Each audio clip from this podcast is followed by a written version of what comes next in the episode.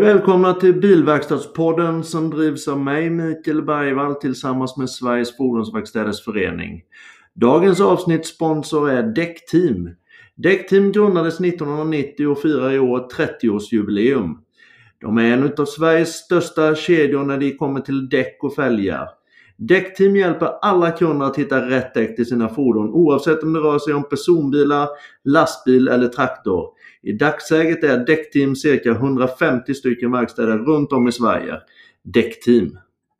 Ja, då ska ni vara välkomna till ännu ett avsnitt av Bilverkstadspodden.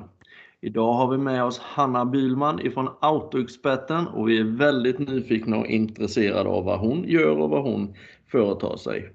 Så välkommen Hanna Bylman! Tack, tack så mycket! Vem är då Hanna Bylman? Ja, du tänker att jag ska svara på det alltså då. Eh, det är ju ja. kanske lite svårt så här kort. Ja. Eh, den privata delen av mig själv som jag inte kanske avslöjar så ofta, det är väl att jag är 38 år. Jag bor i eh, söderort i Stockholm tillsammans med en fotbollsgalen familj som består av man och två barn. Mm. Eh, och det är väl eh, ungefär det jag hinner med om dagarna. Skjutsa mellan fotboll, eh, försöka undvika att titta på fotboll hemma. Ja, okej. Okay, okay, Vad är det då för lag som, som intresseringen, eller vad är ni intresserade av för lag? Ja, fixeringen snarare från mitt håll då okay. anser jag. Det är mycket Liverpool här hemma. Det är mycket Otroligt. men det, det, är väl, är det lite Bayern eller mycket Bayern? Det är inget Bayern. Är det. Nej. Mycket Liverpool, inget Bayern. Men jag som sagt försöker undvika allt det där. Inte superintresserad av det. Mer intresserad av eh, mat. Det är ja. min stora passion. Och det är veganmat förstår jag. ja, nu, nu relaterar du ju här till en restaurang jag bjöd ut dig på. Eh, ja, jag är verkligen intresserad av veganmat. Inte speciellt sugen på kött om dagarna utan mycket grönsaker, absolut. Det är ja. helt rätt uppfattat. Det låter väl jättebra. Du, om vi då går till din karriär och ditt yrke, nuvarande yrke. Hur, hur började alltihopa? Vad har, du, vad, vad har du jobbat med tidigare och hur ser det ut? Ja, jag är ju egentligen ekonom i bakgrunden eh, med inriktning på marknadsföring och affärsutveckling. Så att jag, till skillnad mot eh, de flesta i den här branschen, kommer ju inte ifrån verkstadssidan vet inte hur man meckar med en bil, men jag vet hur man eh, tjänar pengar. Mm. och jag har alltid haft ett stort intresse för miljöfrågor, så därför har jag ju också studerat väldigt mycket hållbarhetsfrågor kopplat till affärsutveckling. Så mm. att mitt liksom stora intresse just när det kommer till den sidan, till den mer arbetsrelaterade sidan, det är att försöka förstå förhållandet mellan att som företag kunna ta ansvar ordentligt med ansvar och samtidigt vara lönsam och tjäna pengar. Och eh, nu för tiden så är det där ganska synonymt eh, med varandra. Medan det för inte så många år sedan, då ansåg man ju kanske att jobba hållbart var att inte vara lönsam. Men nu är det ju många företag som bygger hela sin liksom, strategi på just den idén istället. Och det, den liksom länken tycker jag är otroligt intressant. Ja, hur kommer det sig att, eh, att eh, det blev just fordonsbranschen? Då? Blev du rekryterad till fordonsbranschen eller var det ett intresse för fordonsbranschen som gjorde att du... Nej, det var ju inte ett intresse för fordonsbranschen. Jag är ju, äh, det, det, måste jag ju ändå villigt erkänna att jag är ju inte speciellt intresserad av bilar som sagt. Eh, jag är ju mer intresserad av affären kring bilen. Ja. Så det, det är precis som du säger, jag blev ju rekryterad in i det här Mm. Eh, jag har ju jobbat med då som sagt med affärsutveckling och med hållbarhetsfrågor och där Ja, det, man tänker att det kanske är lite olika saker att tackla i olika branscher men till mångt och mycket så är det ju samma liksom, frågeställningar man ställs inför hela tiden. Så mm. att, eh, jag kommer inte alls eh, härifrån. Jag har snarare jobbat i byggbransch och jag har jobbat i skogsindustribolag och konsultat mm. i den här typen av frågor i en massa olika branscher. Men inte från den här branschen. Så jag, blev, jag blev helt eh, klart inrekryterad på ett litet bananskal. Ja okej, okay. ja, men det är väl trevligt. ja. Jag tänkte på din roll nu då hos Autoexperten. Vad, vad, vad exakt gör du hos Autoexperten? Ja, jag är ju chef för Autoexpertens verkstadskoncept och för hållbarhetsfrågorna. Mm. Och i korthet så innebär det väl att jag ansvarar för de tjänsterna som vi som kedja erbjuder till våra verkstadskunder. Och sen mm. ansvarar jag också för de kraven som vi ställer tillbaka på verkstäderna för att kunna vara en Autoexperten-verkstad. Ja. Eh, och jag vet ju i olika forum så höjer man lite sådär på ögonbrynet och undrar hur man kan sitta på båda liksom de rollerna, att ansvara för konceptet och samtidigt hållbarhetsfrågorna. Men det är faktiskt en väldigt bra anledning till det och det är att vi särskiljer ju inte på de här frågorna. Eh, och det tror vi är ganska viktigt att det som är vår affär i framtiden det är hållbara tjänster, hållbara produkter, hållbara erbjudanden. Mm. Så att det som inte är hållbart det ser vi liksom inte heller kommer vara vår affär i framtiden.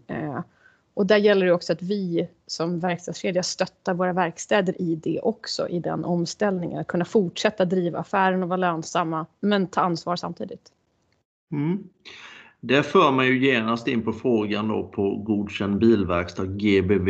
Jag vet ju att ni är väldigt lyckosamma när det gäller GBV-satsningen. Har, det, har din roll varit väldigt påverkande i just den satsningen? Ja, alltså, här ska jag ju börja med att ge cred till min företrädare Thomas Andersson som var den som påbörjade just den här satsningen inom Autoexperten. Och vi mm. tror ju väldigt hårt på GBV, det vet ju alla som på något sätt jobbar med vår verkstadskedja.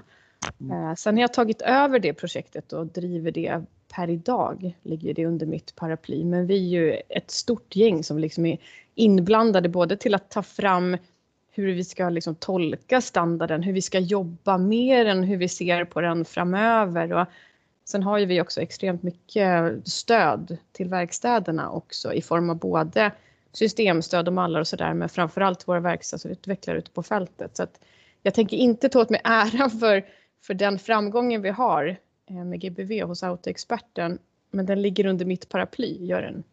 Mm, mm. Vad är det då? Jag vet ju att ganska många har lite bekymmer med att få med verkstäderna godkänd bilverkstad fast, eh, fast de jobbar hårt med det. Vad, vad, tycker du är själva nyckeln till att man ska få med sig verkstäderna? Är det liksom presentationen av konceptet internt som är det viktiga? Ja, jag vet inte om man skulle säga så mycket presentation som att liksom diskutera och få en förståelse kring varför vi gör det här. Och mm. här, här tycker jag i alla fall att, att fokus när det kommer till GBV och hur man diskuterar det, det, det hamnar lite fel ibland.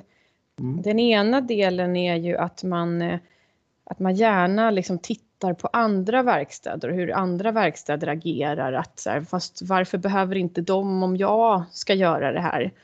Mm. Eh, och att man gärna liksom, ja, lite pekar finger på att någon annan ska också skärpa till sig om jag nu ska göra det. Och den andra delen det är ju att man förväntar sig att konsumenten ska från ena dagen till den andra förstå sig på den här kvalitetsstämpeln och eh, börja leta efter den. Mm. Och här tror jag att vi, vi har ett jobb att göra i den här branschen att både acceptera det ryktet som faktiskt branschen har med sig, som inte alltid är jättebra. Mm. Eh, och att våga vända sig inåt och ställa sig frågan så här, vad kan jag göra för att bidra till att vi liksom tar oss ut det här och faktiskt får den cred som vi förtjänar och att folk förstår att våra tekniker gör ett bra jobb, att de är utbildade och, och att det faktiskt är till mångt och mycket liksom en säkerhetsfråga att man är utbildad och har liksom rätt kunskap och rätt produkter och sådär på plats. Men mm. det, det är alltid svårare att vända sig till sig själv eh, och ställa frågan inåt, så här, vad jag kan göra, än att titta utåt vad andra kan göra. Så vi måste sluta sitta och förvänta oss att andra verkstäder ska agera eller att konsumenten ska agera, utan det här handlar ju om att kvalitetssäkra oss.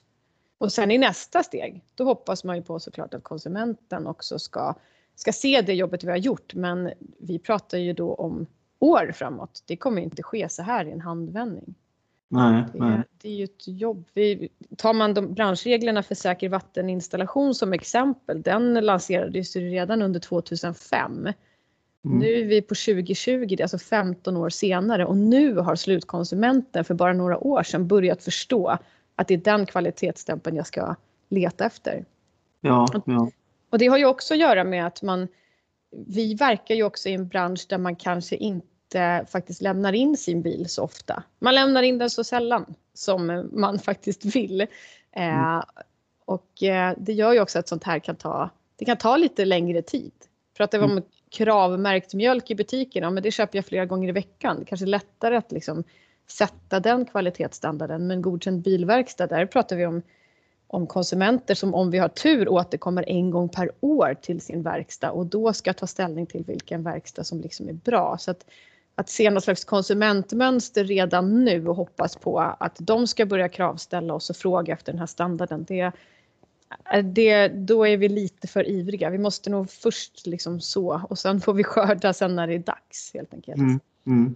Jag vet ju om att vissa kommuner ställer som krav i upphandlingar att det ska vara en godkänd bilverkstad för att ens få vara med i upphandlingarna och det kan ju vara ett bra sätt att börja på kanske också. Verkligen och här, här är det ju verkligen våran uppgift också att våga belysa för våra kunder vad det är de ska kravställa oss på. Mm. Men för att kunna våga göra det, våga säga så här, vet ni, det är det här ni ska titta efter. Ni ska kolla att vi är utbildade, ni ska kolla att vi liksom förklarar vårt jobb utan och innanför er. Ni ska, ni ska liksom kolla att vi har alla de här certifikaten som vi borde ha. För att våga göra det så måste man ju också ha det på plats. Mm. Så att det vi inte vill och det som jag har som största rädsla här det är att konsumenten eller andra typer av kunder börjar kravställa oss innan vi har allt det här på plats. Och då menar jag generellt i branschen, inte bara i Autoexpertens verkstadskedja utan hela branschen måste ju säkerställa sig för att vi ska liksom skapa ett så gott rykte som möjligt.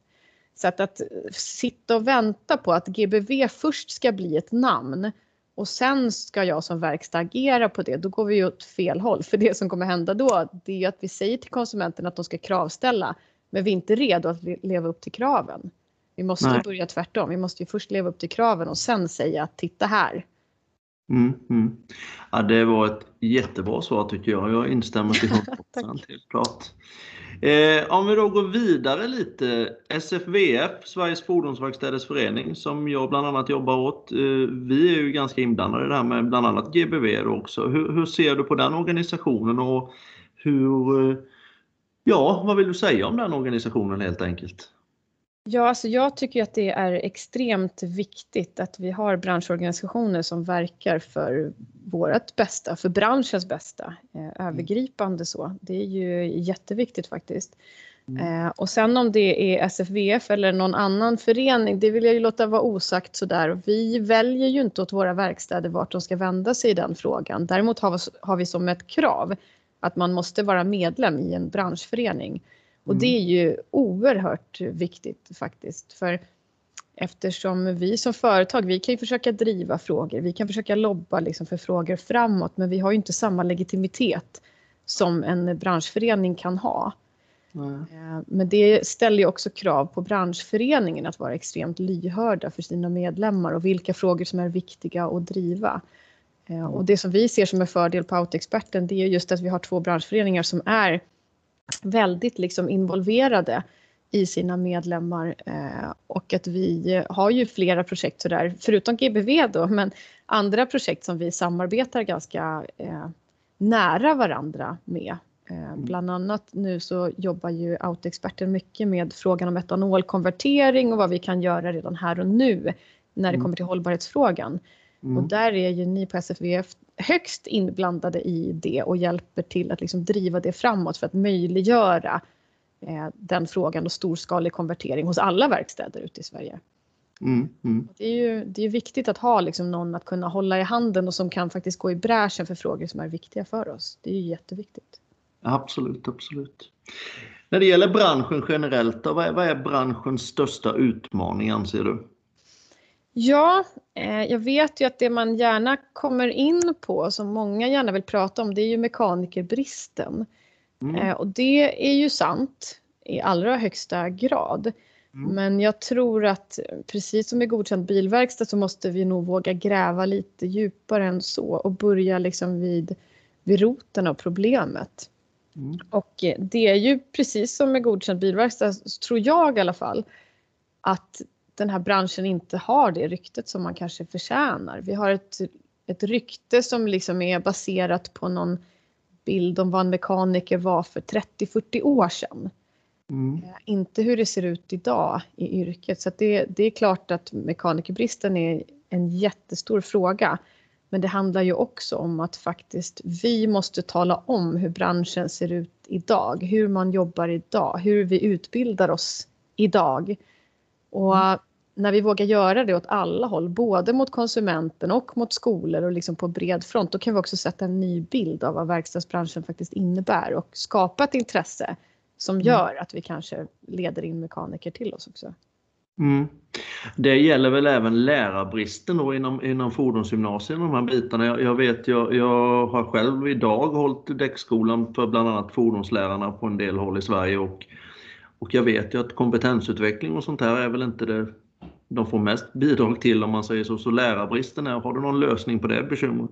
Eh, nej, nej jag, jag önskar att jag hade ett kort svar på det men det, där, kommer det ju, där blir det ju ännu mer komplext på något sätt för där har vi ju just det som bilbranschen eller verkstadsbranschen dras med. Mm. Eh, plus då det som lärarbranschen dras med också. Och mm. de har ju inget superhögt rykte och som du säger, det är liksom, vi pratar om utväxling, vi pratar om lönenivåer, olika typer av utvecklingsmöjligheter. Och här är det ju svårt att det, det, är två tuffa branscher som ska liksom gå ihop med varandra och klara av den här frågan.